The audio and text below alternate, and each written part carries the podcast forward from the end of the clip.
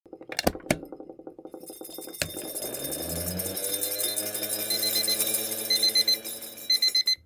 alle sammen, og velkommen til Lapprat. Lamprat. Mitt navn er Chang I. Kong, og med meg er Ida Gregersen. Og Jakob Juel Christensen. Og vi sender fra Institutt for indremedisinsk forskning ved Oslo universitetssykehus, Rikshospitalet. Velkommen tilbake igjen, eh, Jakob. Takk, takk. Løpt, eh, løpt det siste stykket, ser vi. Måtte løpe, ble litt varm, god og svett. Eh, Beklager det, men nå er jeg i hvert fall her. Ja, men det er, det er hektisk dag. Ja. Og med deg, da? Hvordan, hvordan er formen etter skriveprosessen og Ja, alt det der? ja nei, nå, nå føler jeg at jeg landa litt, men jeg følte det var litt sånn vakuum etter å både sendt av gårde en sånn stor revisjon og søknad samme uka, så jeg holdt på å si falt jeg litt sånn sammen. Men antiklimaks? Ja, det var litt, nei, jeg var litt, eh, både sikkert litt sliten og litt sånn jøss, hva skal jeg gjøre nå, liksom. Ja. Men nå begynner kalenderen å fylle seg opp igjen og har absolutt ting å gjøre, så Ja. det føles bra. Ja, det er godt å høre at dere er i, i form. For jeg var på en disputasmiddag i går. Å, det stemmer, det hadde jeg glemt. Jeg er litt redusert. Ja. Jaså, ja. Ja, var det hyggelig? Dro du ut? Nei. Nei, nei. Nei. Jeg, jeg skulle jo hit ja, i dag. Ja, ja. ja. Må jo ha, ha noe ja. Nei, det, var, det ble litt seint. Det Ja. var eh, mange taler, mange fine taler til kandidaten. Ja. Og en eh, hyggelig affære. Ja, og disputasen gikk bra. Ja. Ja. Ja da. Det hadde ikke blitt fest hvis ikke. Nei, det er sant. Det er sant. Ja, kanskje noen vil drukne sorgene. Nei, Ja, nei, det, det er går vel alltid bra på et vis. Men, Ja da. mm. Det gikk veldig fint, altså.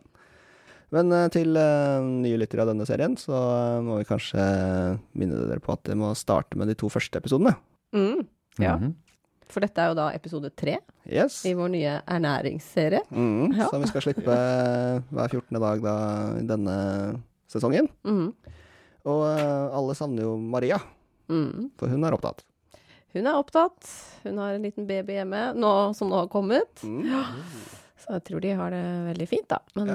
hun er da ikke helt klar for å være med på pod igjen, kanskje, helt ennå. Men uh, det kan jo hende vi får begge to på besøk etter hvert. Ja, ja, Ja. det kan være det. Mm. Men hun har jo uh, likevel uh, Hun prøver å være med lite grann, for hun har kommet med et lite spørsmål oh, ja, okay. til, til Jakob, som eh, vi skulle bringe videre, da. Ja.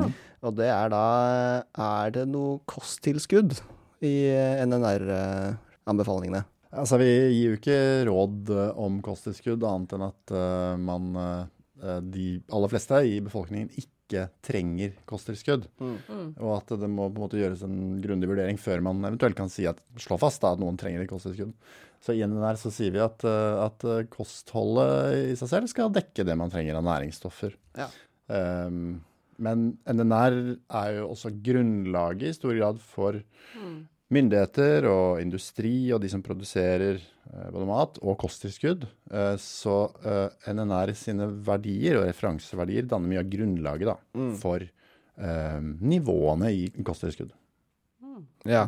Så hvis man nå skal lage nye kosttilskudd, så må de se på rapporten og legge på en måte eh, mengden av vitamin C, f.eks. Uh, etter hva som står i rapporten. Helt riktig. Og akkurat hvordan det foregår, den prosessen, det kjenner jeg ikke til. Men da er det på en måte eh, noe av eh, poenget at man skal prøve å unngå å eh, stige over disse øvre grenseverdiene. ikke sant? Mm. Det er særlig det som er viktig med kosttilskudd. Ja.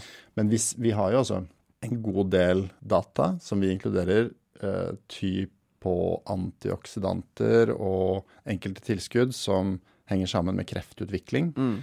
Som vi dermed også gir råd om. da. Ja. Um, fordi vi har såpass solide data at vi sier at denne typen kosttilskudd kan potensielt føre til uh, kreft, Mm. Uh, i hvert fall i enkelte grupper av populasjonen, og bør unngås helt. Ja, kan føre til kreft. Ja. Ja. Mm. Det er faktisk uh, interessante data fra noen studier eh, flere tiår tilbake der de mistenkte jo at antioksidanter eh, ville kunne forebygge hjerte-karsykdom og, Mm. og kroniske sykdommer. Og så kjørte de store RCT-er, kontrollerte eh, studier, Ja. og så at eh, Men det var jo faktisk eh, litt høyere risiko for eh, kreft i, i intervensjonsgruppa. Så det var en eh, en sideeffekt som man ikke hadde forutsett. og Dermed har vi også ganske solide data på at det faktisk er en reell Mm. effekt. Ja. Det er ikke bare noe vi tror. Så, Akkurat. så vi gir noen råd om uh, kosttilskudd. For det har jo vært eh, relativt nylig slått opp at det er noen eh, bloggere, influensere, Mm. eh, mennesker med mange følgere på sosiale medier, Mm. som dytter i seg da store mengder kosttilskudd hver dag. Ja, dem om det. Ja. Ikke, ikke anbefalt av uh, NNR-komiteen. På ikke noe som helst vis. Nei, Nei. Det er ikke noe man bør gjøre i det hele tatt. Og ikke noe man trenger heller. Nei, overhodet ikke. Nei, nei, nei, nei. Det er kosthold. For de, de langt fleste tilfellene så holder kostholdet. Et helt normalt variert kosthold innenfor kostrådene uh, dekker det du trenger av, av næringsstoffer. Og, og det, det, um, det er svært få tilfeller der du uh, bør høre på influensere på internett. Ja. Det er en god, det er en god leveregel. Ja. Ja. Men det anbefales, eh, eller tar jeg feil nå, anbefales vitamin D. Ja, altså Anbefalingen for vitamin D er um, Det er vanskelig å dekke i hvert fall det vi kaller recommended intake. Mm. eh, med et normalt eh, inntak av fisk osv. Så, videre. så Mm. det å ta et tilskudd av vitamin D eh, i løpet av året når du ikke er så mye eksponert for sol, Mm. eh, det kan være lurt. Eh, Særlig i grupper av populasjonen med mørkere hud, som har en lavere naturlig produksjon av vitamin D i, i huden under soleksponering. Mm. De vil ha eh, lavere nivåer av vitamin D i blodet, og eh, kan derfor ha ekstra nytte av tilskudd. Så det er den typen vurderinger man bør gjøre, da. Mm. Men for de, for de fleste så vil man kanskje eh, klare seg helt fint eh, uten et tilskudd, så lenge man Mm. spiser eh, fet fisk, da. Mm. Mm. Mm. Men disse rådene vil vel også da være de norske kostrådene eventuelt, da, og ikke NNR kanskje, som kommer med? Eller? Eh, disse konkrete rådene her, Ja, ja, mm. enig. Ja. Ja. Så NR, de verdiene vi gir, og de anbefalingene vi kommer med, er jo basert på gjennomsnitt av populasjonen, og eh, er ofte ment å skulle dekke også hele populasjonen, og det er ikke nødvendigvis realistisk for hvert enkelt individ. Nei. Så man kan godt eh, få i seg langt mindre enn anbefalt inntak, men det, at det fremdeles går helt fint. Mm. Mm. Fordi vi legger inn på en måte en slags sikkerhetsmargin, da. Men dette er på en måte vurderinger som må gjøres på individuelt nivå når det Mm. kommer til f.eks. vitamin D eller, eller andre ting. Ja. Mm. Men som sagt, som regel så vil kostholdet dekke eh, behovet for næringsstoffer for de, i de langt fleste tilfellene. Og så finnes det unntak. Mm. Før vi går løs på dagens tema, Jakob, så har jeg et lite oppfølgingsspørsmål til det vi snakket om eh, forrige gang. Altså om, om kjøtt. For um, da vi snakket om rødt kjøtt, Mm. så sa du at uh, i NNR så skiller dere ikke mellom hvor kjøttet kommer fra. Altså om det er storfe, sau, gris eller, eller geit. Mm. Uh, fordi det ikke finnes data eh, som kan skille dem. Finnes det data fra andre steder, der uh, religiøse forhold f.eks. gjør at man ikke spiser én type kjøtt?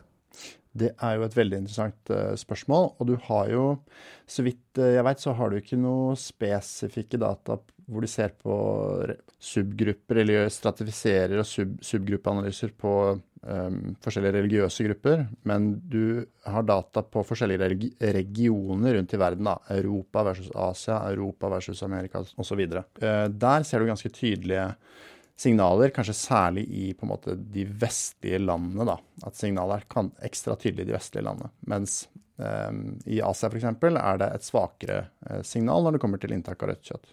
Når det kommer til forskjellige typer eh, kjøtt, gris versus eh, sau versus eh, storfe osv., så, videre, så har vi eh, heller ikke så tydelige data. fordi men det er mer knyttet til et um, spørsmål om styrke, som vi jo alltid eh, lurer på i forskningssammenheng, når du skal se på en sammenheng mellom et, eh, du, en eksponering og et utfall, kosthold og, og utvikling av sykdom, så må du ha nok styrke sant, for å kunne studere den sammenhengen. Og hvis det er altfor få som er eksponert da, eller utsatt for eh, en viss type kjøtt eller eh, et visst type dyr eller et eller annet sånt noe, så vil du ikke kunne se en tydelig sammenheng. Og det er også derfor vi ikke kan si at liksom viltkjøtt i seg selv Fordi det er gruppen vi studerer, som regel samla. Ja, så det du sier litt forenkla er at det er altfor få mennesker som bare spiser viltkjøtt i Norge, til at man kan se noen sammenheng mellom kreftutvikling f.eks. og inntak av viltkjøtt. Så dere må slå sammen da kjøtt som en gruppe, og da inkludere da de som bare spiser vilt, og de som ikke spiser vilt i det hele tatt, og alle andre i midten. Mm. Alt det må slås sammen for å danne grunnlag da, for uh... Enten, enten at vi slår absolutt alt sammen, eller at vi fokuserer på de hovedgruppene, typ storfe, sau og gris, uh, vil utgjøre liksom brorparten av alt kjøttet. Og hvis vi da legger på viltkjøtt i tillegg, så vil det ikke utgjøre veldig stor forskjell. Men man kan analysere det med eller uten, da, kan Ja. man si. I teorien, i hvert fall. Mm. Tilsvarende finner du også fra eh, frukt og grønnsaker. Vi analyserer som regel det samla som en gruppe. Men det går selvfølgelig an å gjøre subgruppeanalyser for gulrøtter, brokkoli og alt det her. Men det er ikke sikkert det gir så mye mening heller, fordi det er mye større variasjon, mye større usikkerhet. Inntaket totalt sett er mye lavere. Så det å analysere det samlet gir mening fra et eh, kulinarisk perspektiv, hvordan vi spiser maten. Eh, Sosiokulturelt, alt det her. Så det, det er en eh, eh, grunn til at vi analyserer det på den måten. Men da skal vi kanskje hoppe inn i dagens tema. Mm. Det har vi gledet oss til, har vi ikke det, Ida? Dette, Jo. dette er å stikke fingeren i et vepsebol. Ja, ja, ja absolutt. Ja, det er jo et tema som har eh, engasjert mye, kan man jo si. Eller som engasjerer mye. Mm. Og vi skal snakke om eh, ultraprosessert mat. Vi må kanskje starte med å si uh, hva det er for noe. Eller er, hva er forskjellen på ultraprosessert og prosessert? For vi var jo innom prosessert kjøtt så vidt i forrige episode. Så Ja. hva skal til for at det skal bli ultraprosessert? Er det bare hvor prosessert det er? Altså, den definisjonen, eller som man har sett på prosessering når det kommer til prosessert kjøtt, den er litt annerledes enn det vi her ser på som ultraprosessert, da. Mm. Altså, ultraprosessert mat er et eh, begrep som kom inn i hva si, folkemunne for ganske få år siden. Og eh, det var jo eh, eh, altså en forsker i US, eh, ikke USA, men i Brasil som coina dette begrepet for eh, ja, 10-15 år siden. Og eh, det, det han gjorde, eller det forskningsgruppa hans eh, gjorde, det var at de hadde lyst til å danne et nytt klassifiseringssystem for prosesseringsgraden av maten. Så det var det de tok utgangspunkt i. Og da, etter eh, litt eh, modifiseringer, så kom de fram til en klassifisering som vi i dag kjenner som NOVA-klassifiseringen for prosessering. Og den består av fire kategorier. NOVA gruppe 1, 2, 3 og 4. Og de kan kort uh, forklares som at uh, gruppe 1, Nova gruppe 1 er uprosessert eller minimalt prosesserte matvarer. Dvs. Si råvarer som enten er ferske, tørka eller fryste råvarer. Eh, Grønnsaker, frukt, kornprodukter, belgvekster, kjøtt, fisk, egg, nøtter og, og frø. Ikke sant? Råvarene, sånn som de er. Så er det Nova gruppe 2, som de kaller prosesserte kulinariske ingredienser. Dette er på en måte en ja, Det høres veldig flott ut. det høres veldig flott ut, men det er, du kan se på det som ekstrakter fra råvarene. Ja. Sukker, oljer, eh, den type ting. Ja. Så det er på en måte mm, ja, ekstrakter fra råvarene. Og så har du eh, Nova gruppe 3, som er det de kaller prosesserte matvarer. Det er veldig forenklet eh, kombinasjoner av gruppe 1 og 2. Ja. ja. Så type litt salt i kjøttdeig er prosessert. for eksempel. Ja. Eller et eh, brød bakt med helt enkle råvarer og ingredienser. Eh, hjemme for eksempel, kan også være eh, prosessert, eh, en prosessert matvare, men da i Nova gruppe 3. Ja, men sier det noe om hvor mye f.eks. salt i en kjøttdeig? Ikke mengde, så vidt jeg veit. Det kommer mer an på typen sammensetning av matvaren. da.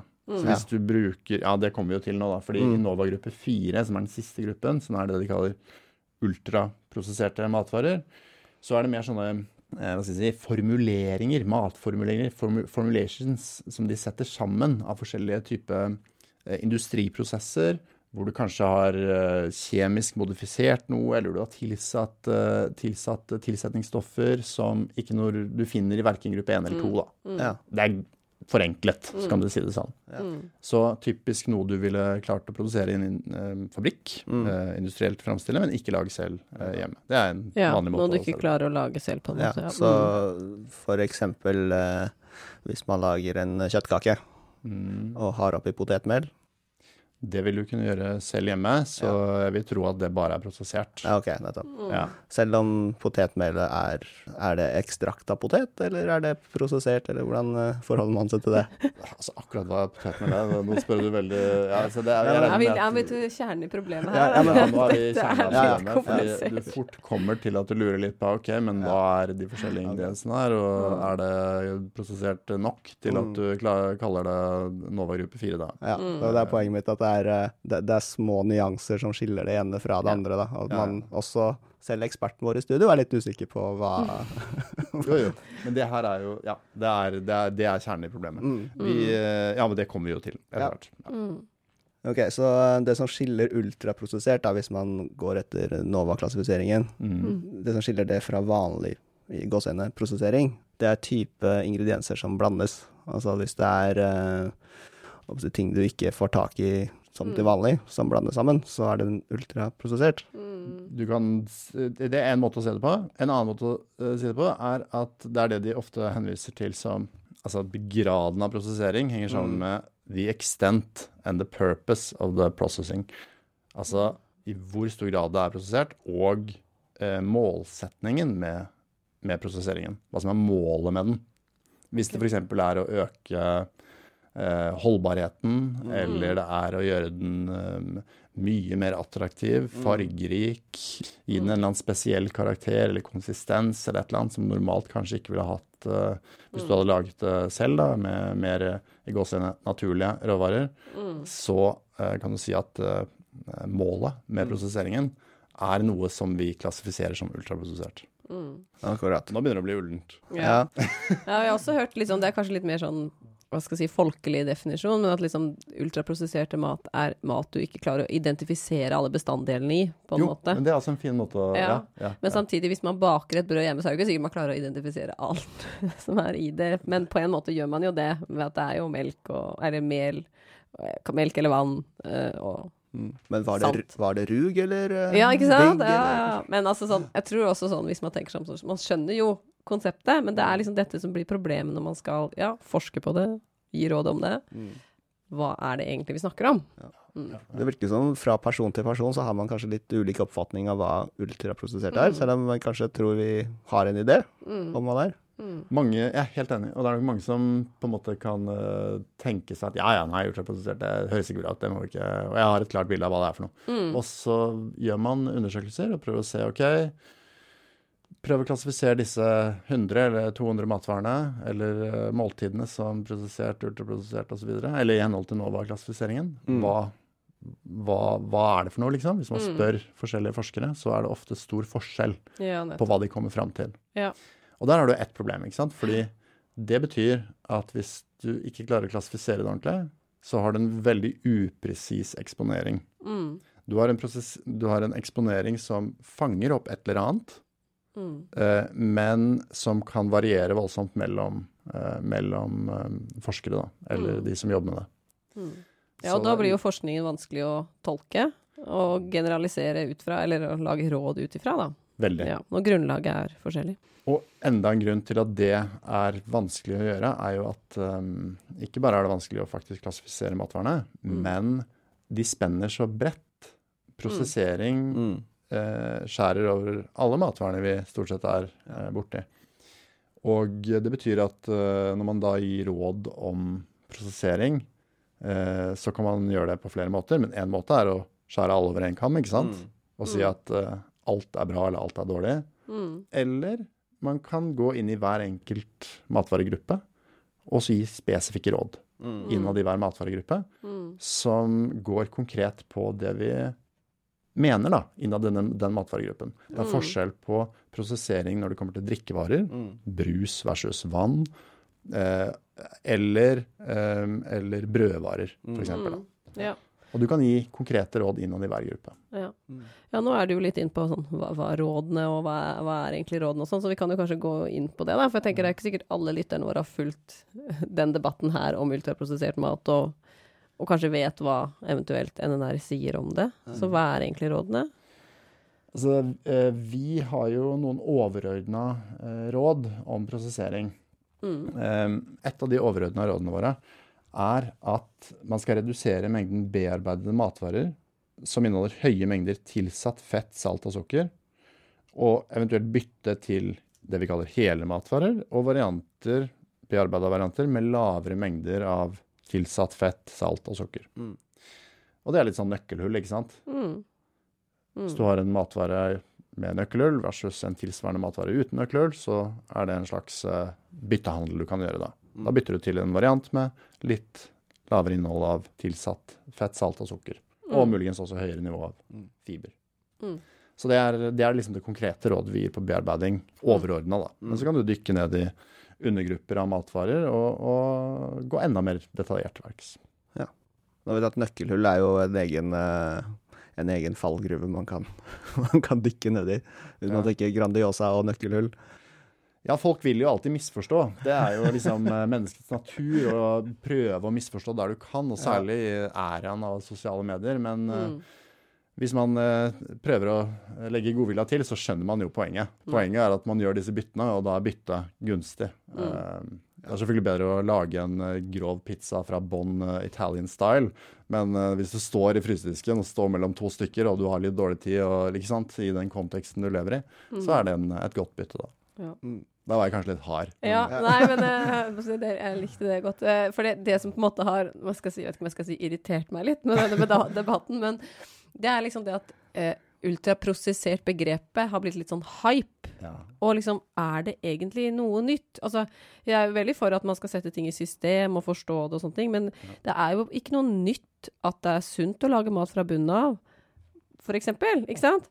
Eh, eh, og da Og da kan det føles litt sånn, sånn unødvendig ja, salgstriks, eller hva man skal kalle det, dette begrepet at ting skal liksom puttes i en eller annen bås. Er det ikke viktigere å bare konsentrere seg om hva er det faktisk maten vi spiser består av, og ikke hva det kalles? Ja. Ja. Ja. Så nå fikk jeg ut det Ja, ja, ja, ja. Jo, da er vi helt enige. Men det er jo, du nevnte jo det, Kapp, at problemet er jo hvis man bruker eh, NOVA-klassifiseringen om ultraprosessert mat, så spenner det over veldig mange forskjellige typer matvaregrupper. Mm. Altså yoghurt tilsatt eh, noe Mm. ville vært ultraprosessert, Mm. og det samme er da kjøttpølse, røkt og, osv. Det er samme, samme kategori, da. Men Mm. eh, en eh, med sunn fornuft kjenner man at det er to ulike, helt, to helt ulike ting. Mm. Eh, Så i stedet så har jo da dere gått inn f.eks. og putta yoghurt prosessert inn i meierigruppa Mm. og gitt råd der. Mm. Og pølse har kommet da i kjøttgruppa og blitt kommentert der. Mm. Så dere trenger ikke en egen eh, et eget kapittel om ultraprosessert mat, fordi prosessering i hver av disse undergruppene er diskutert. Mm. Er det sånn å forstå? Det er det vi har prøvd på. Ja. Ja. Mm. Og så finnes det også masse nyanser som man kan trekke opp. Mm. eh, som eh, en sånn klassifisering vil eh, hva skal jeg si, droppe å få med seg. F.eks.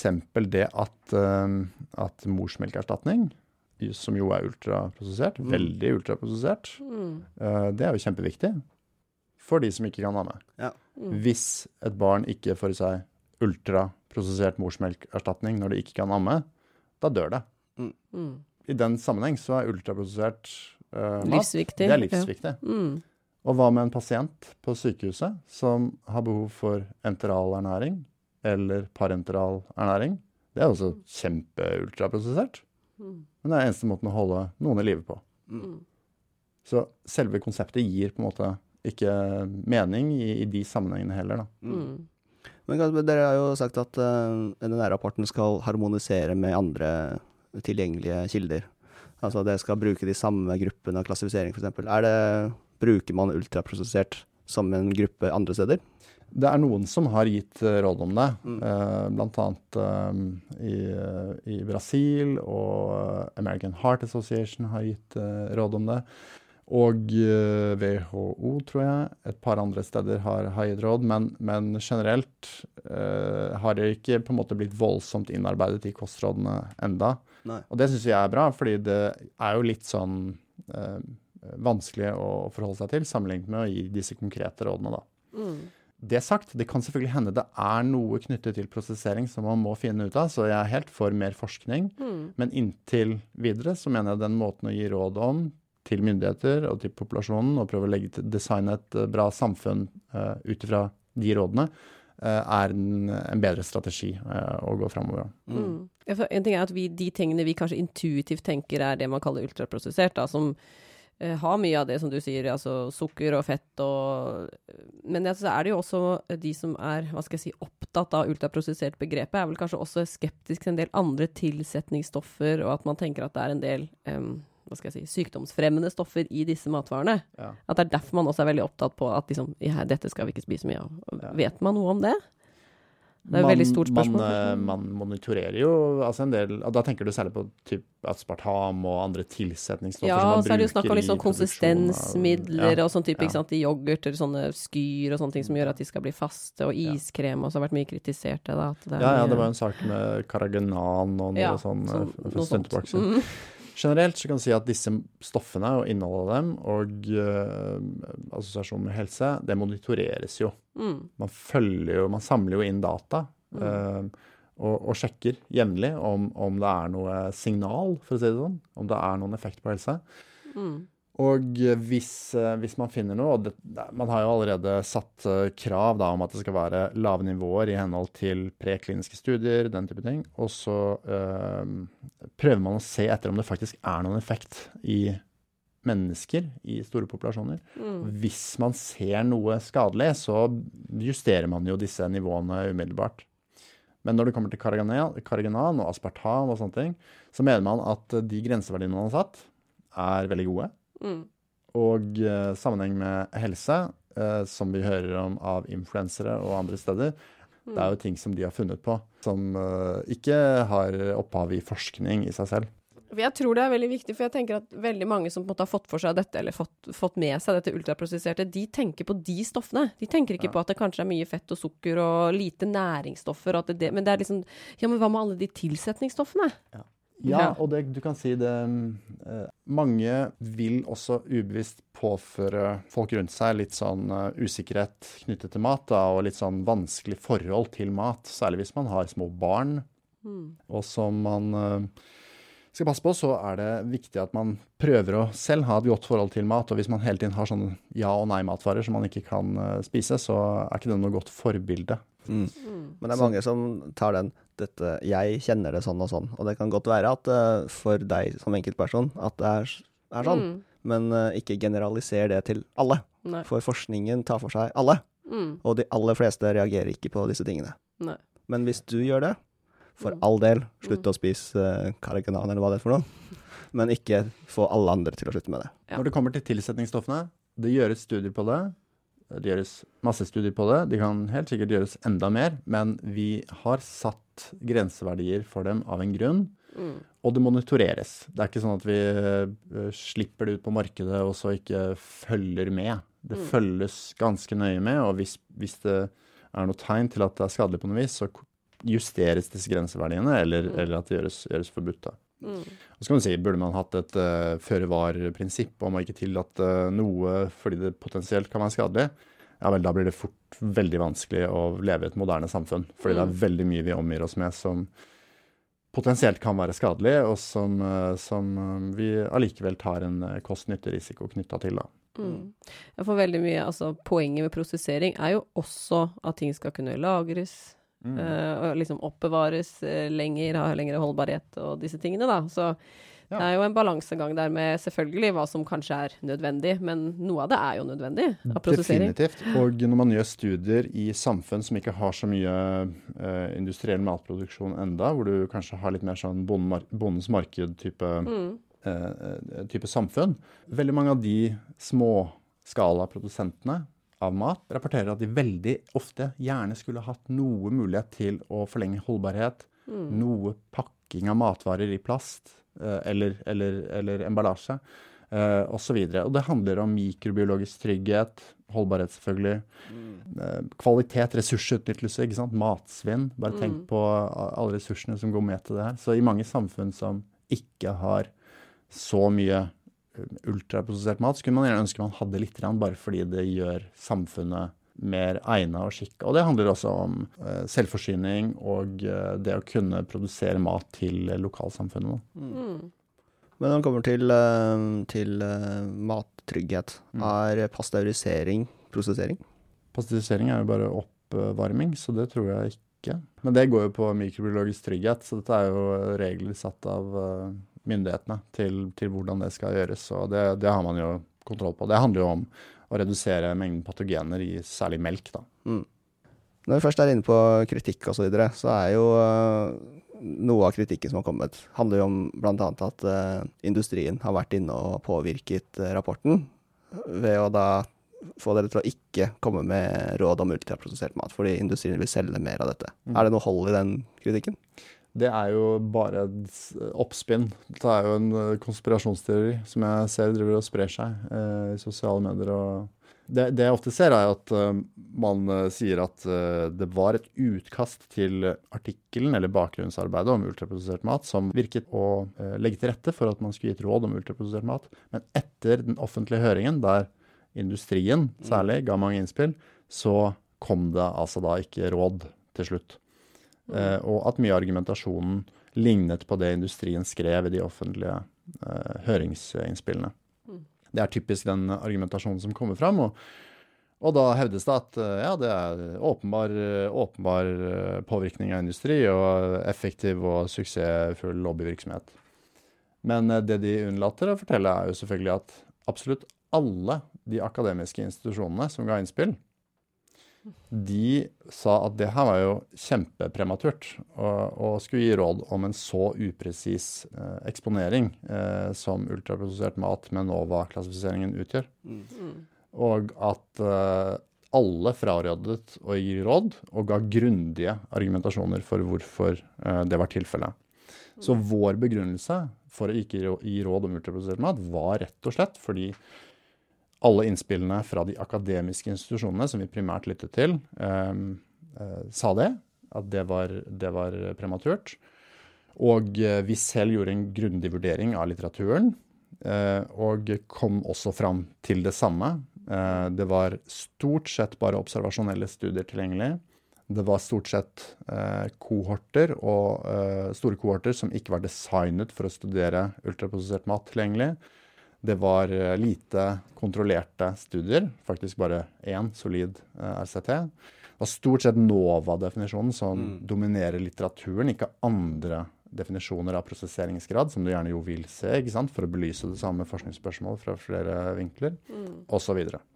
Mange grunner til at vi ikke kunne da gi råd om det. Mm. Uh, så, um, så, det er vår argumentasjon. Så selv om industrien har gitt innspill, så er det ikke det som har påvirket oss. Nei.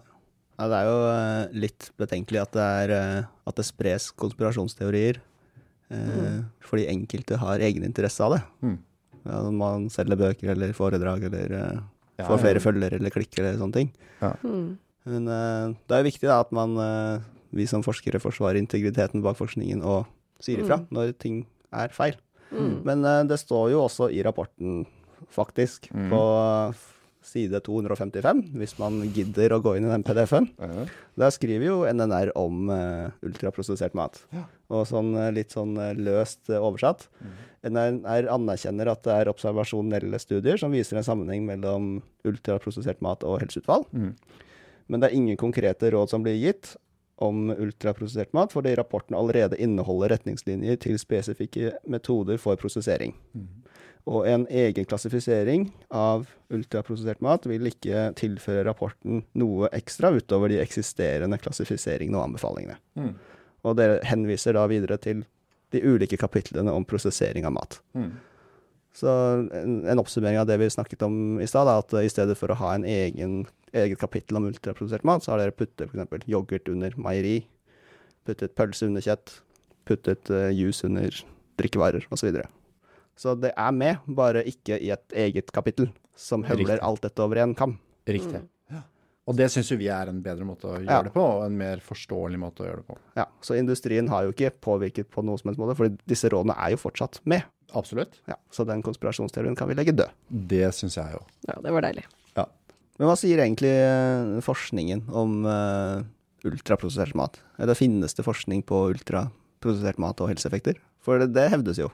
At uh, det er jo mange samlingsstudier som viser negative helseeffekter osv. Ja da, ja, definitivt. Vi identifiserte i NNR, så har vi sett særlig etter disse kvalifiserte, systematiske litteraturgjennomgangene. Uh, vi identifiserte ingen sånne uh, solide studier. Men vi så en stor, en lang rekke enkeltstudier, særlig observasjonelle studier, som vi har, har sett på og, og, og vurdert. da. Særlig er det disse to eh, forfatterne som har tatt for seg ultraprosessert mat i et, i et, eget kapittel eller en egen artikkel som har, har gjort den uh, oppsummeringen. Og da ser du at hvis, hvis, du ser på sammenhengen mellom totalt uh, inntak av ultraprosessert mat og helseeffekter, så finner du som regel uh, negativ helseeffekt. Mm. I observasjonelle studier. da.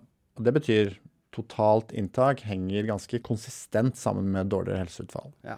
Og du har i tillegg én RCT som også har vist ganske tydelig at eh, to uker på et uh, ultraprosessert kosthold versus uh, minimalt prosessert kosthold påvirker vektutviklingen ganske tydelig. Da. Mm. Ultraprosessert mat øker vekta, mens minimalt prosessert den reduserer eller stabiliserer vekta. Mm. Mm. Hypotesen her er at uh, et kosthold dominert av ultraprosessert mat potensielt kan føre til overspising, vektoppgang og medfølgende helseeffekter. Mm. I observasjonelle studier så er det selvfølgelig mange mulige feilkilder. Og en åpenbar har vi diskutert, at det er et litt uh, vanskelig klassifiseringssystem. ikke sant? NOVA-klassifiseringen er ganske uh, vanskelig å vite helt eksakt hvilken uh, gruppe en matvare eller en rett skal klassifiseres som. Skal det være gruppe 3, NOVA gruppe 3, prosessert mat, Mm. eller skal det være NOVA gruppe 4, ultraprosessert mat? Ikke alltid så lett å finne ut av, i hvert fall ikke fra den typen data som vi har tilgjengelig i vanlige kostholdsstudier. Så det er liksom én ting, da. Men du har som sagt da noen som har gitt råd om det her allerede, f.eks. American Heart Association. Så selv om vi har den begrensa litteraturen vi har, så har de valgt å si i sin siste oppdatering, eller ja, fra 2021, da, Mm. en av de siste oppdateringene, så skriver de bl.a. Dette er jo da råd for å promotere eh, god hjerte-kar-helse. Ja. Så skriver de bl.a.: Choose minimally processed foods instead of ultra-processed foods. Altså velg minimalt prosessert istedenfor ultraprosesserte matvarer. Men så har de en sånn liten stjerne i margen, Ja. eh, og så, eller en fotnote, og så kan du lese i fotnoten at de skriver eh, There is no commonly accepted definition for ultra-processed foods, and some healthy foods may exist within the ultra-processed food category. Mm. Altså at det kan hende det finnes uh, noen sunne matvarer Mm. innad i ultraprosessert mat, uh, matkategorien, da. Ja. Som jo er hele poenget vårt, ikke sant? At den er litt Mm. sånn eh, Jeg tror jeg hørte Det er, det er litt sånn eh, tatt fra, fri- fritt fra hukommelsen, men at eh, For det finnes jo forskjellige typer makrell til mat, f.eks. At type 1 falt i klasse 3 og 1 i klasse 4. Virkelig. Litt sånn fordi det på tube er veldig sånn mye konsistens på, liksom. Eller, Ja, okay. ja. ja, det er ikke tenkt. Eh, Ja. Mm. nå vet jeg ikke, jeg skal ikke si det for 100 sikkert, men det er litt sånn type sånne ting, ikke sant? Det kan At, godt eh. Ja. mm. Mm. Ja. Men finnes det noen studier som har delt opp ultraprosessert mat i underkategorier, og sett ultraprosessert uh, yoghurt, ultraprosessert brød, ultraprosessert kjøtt? Definitivt. Det er ikke så mange av de ennå, men det var en for ikke så lenge siden, tidligere i år, fra journalen som heter Diabetes Care, som hadde sett på tre amerikanske kohorter, eh, altså svære eh, oppfølgingsstudier der du fulgte deltakere over tid. Og der så de på forekomst av eh, nyoppstått diabetes. Og da så de at hvis du så på total UPF, eller total ultraprosessert mat, og assosiasjon med utvikling av diabetes, så så du et tydelig signal at ja, det var høyere risiko. Og det er som regel det man studerer i alle disse studiene. Man ser på total UPF med forekomst av et eller annet helseutfall. Man, det vil si, man putter absolutt alle matvarene vi har, uh, i samme uh, gruppe, Mm. eller samme bucket. Og så Mm. sier du OK, jo, uh, hva er sammenhengen mellom inntak av matvarene du finner her, med helseutfallet? Det de også gjorde, var sånne subgruppeanalyser. Og når de da delte opp på, på brød og kornvarer og um, søtsaker, desserter osv., så, videre, så, så de at uh, assosiasjonen med helseutfallet varierte jo noe voldsomt. Mm. Så det var ikke sånn at alle typer ultraprosessert mat hang sammen med utvikling av diabetes. Det var bare Mm. noen som gjorde det. Uh, og særlig så så de da at uh, hvis du f.eks. så på gruppen brød og kornvarer da, som helhet, alle ultraprosesserte brød og kornvarer var negativt assosiert med forekomst av diabetes. Og eh, særlig så man det på eh, kornvarer og på fullkornsbrød. Ja. Mens hvis du så på uh, raffinerte kornvarer, eller fint brød, bakvarer, den type ting, så var det en positiv sammenheng med diabetes. Ja. Selv innenfor kategorien brød. Selv innenfor kategorien brød og kornvarer. Ja. Og det er jo på en måte det vi visste fra før. Mm. Vi visste jo fra før at raffinerte kornvarer og, og fine bakvarer hang sammen med utvikling av overvekt, fedme, diabetes. Mm, mm, mm. Det var ikke noe nytt. Nei, det er nettopp det. Så det er litt sånn Det er denne typen analyser vi håper det kommer mer av. da, Subgruppeanalyser hvor du ser på de spesifikke subgruppene Mm. av um, ultraprosessert mat og Mm. helseutfall, for å få enda litt mer klarhet i uh, mekanismene. ikke sant? Ja. Og da kan man Eh, putte de subgruppene innenfor riktig kategori av uh, matvaregruppe. Og så kan man se hvordan henger dette sammen med data vi allerede har. Mm. Eh, og eh, foreløpig så ser det ut som at eh, det i hvert fall er ganske kjente, kjente sammenhenger og kjente ting. Mm. Så det støtter jo de rådene vi allerede har, har gitt. Ja. Som en oppfølging til den eh, artikkelen der, så var det også en interessant sånn editorial, som det heter. Hvor noen da skriver litt om hvordan man skal prøve å, å lage kostråd rundt ultraprosessert mat. Og eh, da har de en slags algoritme hvor de prøver å gå litt mer nyan- nyansert til verks og, og, og, og gi enda mer konkrete og detaljerte råd om ultraprosessert eh, Mm. mat. da. Så no, noe sånt kommer sikkert til å bli utarbeida videre i løpet av de neste årene, og kanskje bli brukt i neste, neste oppdatering av NNR eller, eller de amerikanske guidelines. Mm. Mm. Men siden det er så mange matvarer innenfor ultraprosessert mat-kategorien, er det derfor det ikke er noe klima- og miljøråd konkret til denne gruppen? Ja, ja, eh, absolutt. Det er, eh, det er på en måte ikke eh, Altså de rapportene vi baserer oss på når det kommer til klima og miljømessig bærekraft, har jo ikke sett på ultraprosessert mat i seg selv. Som du sier, det spenner jo over altfor mange matvaregrupper, og, og er vanskelig å på en måte si et, eh, konkret effektestimat av, Mm. av, av klima- og miljøeffekten av ultraprosessering. Det vi heller gjør, er å henvise til de spesifikke matvaregruppene og de nyansene innad i hver av dem når det kommer til klima- og miljømessig bærekraft. Mm. Vet du forresten hvor mye vi spiser av ultraprosessert mat eh, til daglig, Jakob? Det er jo litt forskjellige eh, data på det her, men som regel så lander man på i forskjellige studier i forskjellige land, så lander vi kanskje på over 50-60% av totalt energiinntak fra matvarer, matvarer vi kanskje vil klassifisere som ultraprosessert. Ja, så mer enn halvparten av hva vi spiser. For enkelte så vil det nok være mer enn halvparten av det vi spiser. Ja, Men mm. sånn typisk, hva er det det går mest av? Det er, eh, det er mye brød. Brød er en eh, hovedkilde til energi fra ultraprodusert mat, i hvert fall i, de, i Norge og helt sikkert i flere av de andre nordiske landene. Ja, for butikkjøpt brød vil jo da være ultraprosessert. Veldig mye butikkjøpt brød vil Ja. være ultraprodusert. og Det er jo fordi de kanskje tilsetter ting for å gjøre det ekstra stort og fluffy. ikke sant? Kanskje ekstra gluten som eh, Mm. ikke Holdbart, kanskje. Ja, ikke sant. Så da vil det klassifiseres som ultraprodusert, men det er ikke alle brød som nødvendigvis gjør det. Men Mm. hvis vi grovt tenker at veldig mange får mye energi fra brød, og, Mm. og kanskje flere måltider om dagen, vil da få i seg eh, mye ultraprodusert, eh, hva skal jeg si, ultraprodusert energi Mm. fra, fra brød. Eh, og tilsvarende fra enkelte typer frokostblandinger, så, vil du få mye energi. Mm. Noen yoghurter og noen sånt, kanskje? yoghurter eh, Mm. med enkelte tilsetningsstoffer vil eh, kunne klassifiseres som det. Og selvfølgelig hele kategorien med på en måte søtsaker og Mm. brus, ikke minst. Brus er jo noen får i seg veldig mye brus. Mm. Noen, ja, en del middagsretter, selvfølgelig, da. En del middagsretter, selvfølgelig. Ja. Så en del ferdig, ferdigmat ferdig som vil eh, klassifiseres som ultraprosessert.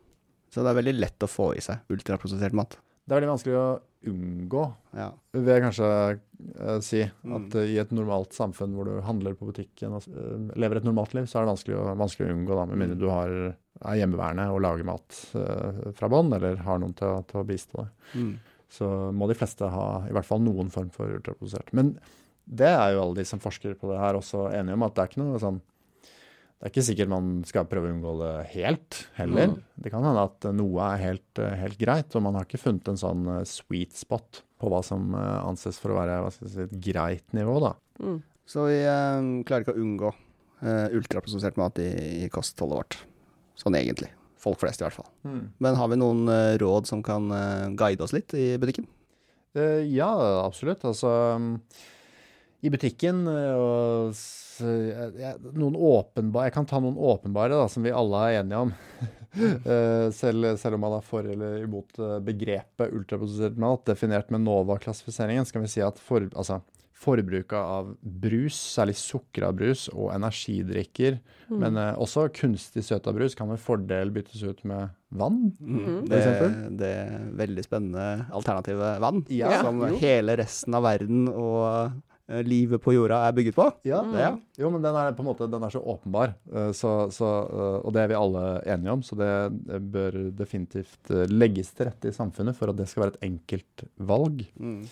Eh, og tilsvarende kan du si for godteri, søtsaker og andre sukkerholdige matvarer. Det bør selvfølgelig begrenses. Eh, og dette, vil, dette, er ting som som regel vil klassifiseres som ultraprosessert mat, og for noen utgjør en stor andel av energien. Mm.